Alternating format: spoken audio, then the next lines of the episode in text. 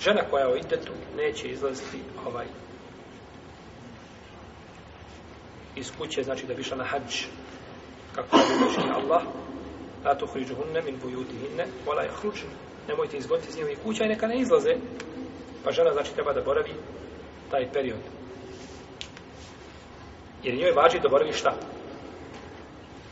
u kući može li taj vađi žena koja je muž preselio duža da boravi koliko u svojoj kući?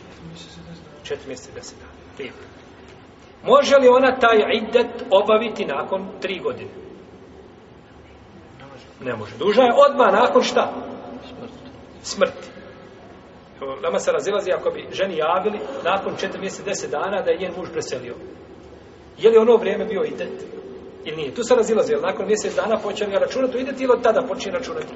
No međutim, ako bi žena ovaj bila muže je preselio danas iz dana počinio idet od vremena preseljenja ta idet mora biti odma neposredno nakon čega nakon smrti a mora li hač biti te godine ne mora znači hač može biti naredne godine pa imaš sad vađib koji je došao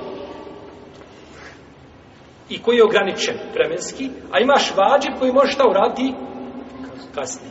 Pa moramo spojiti oba dvoje. Pa će ostati to vrijeme u idetu i neka prođe zol hijđa to idetu, pa naredne godine šta ide na hač. I tako, jer kako je naređen hač, tako je šarijet zabranio izlazak.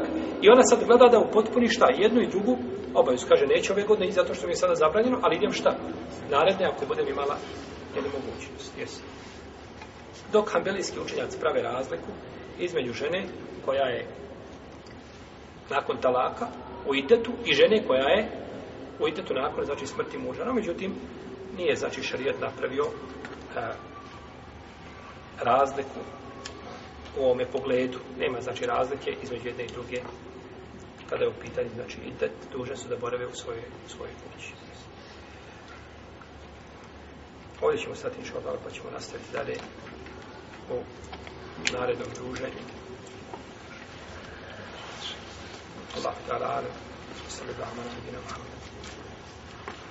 وعلى آله وصحبه أجمعين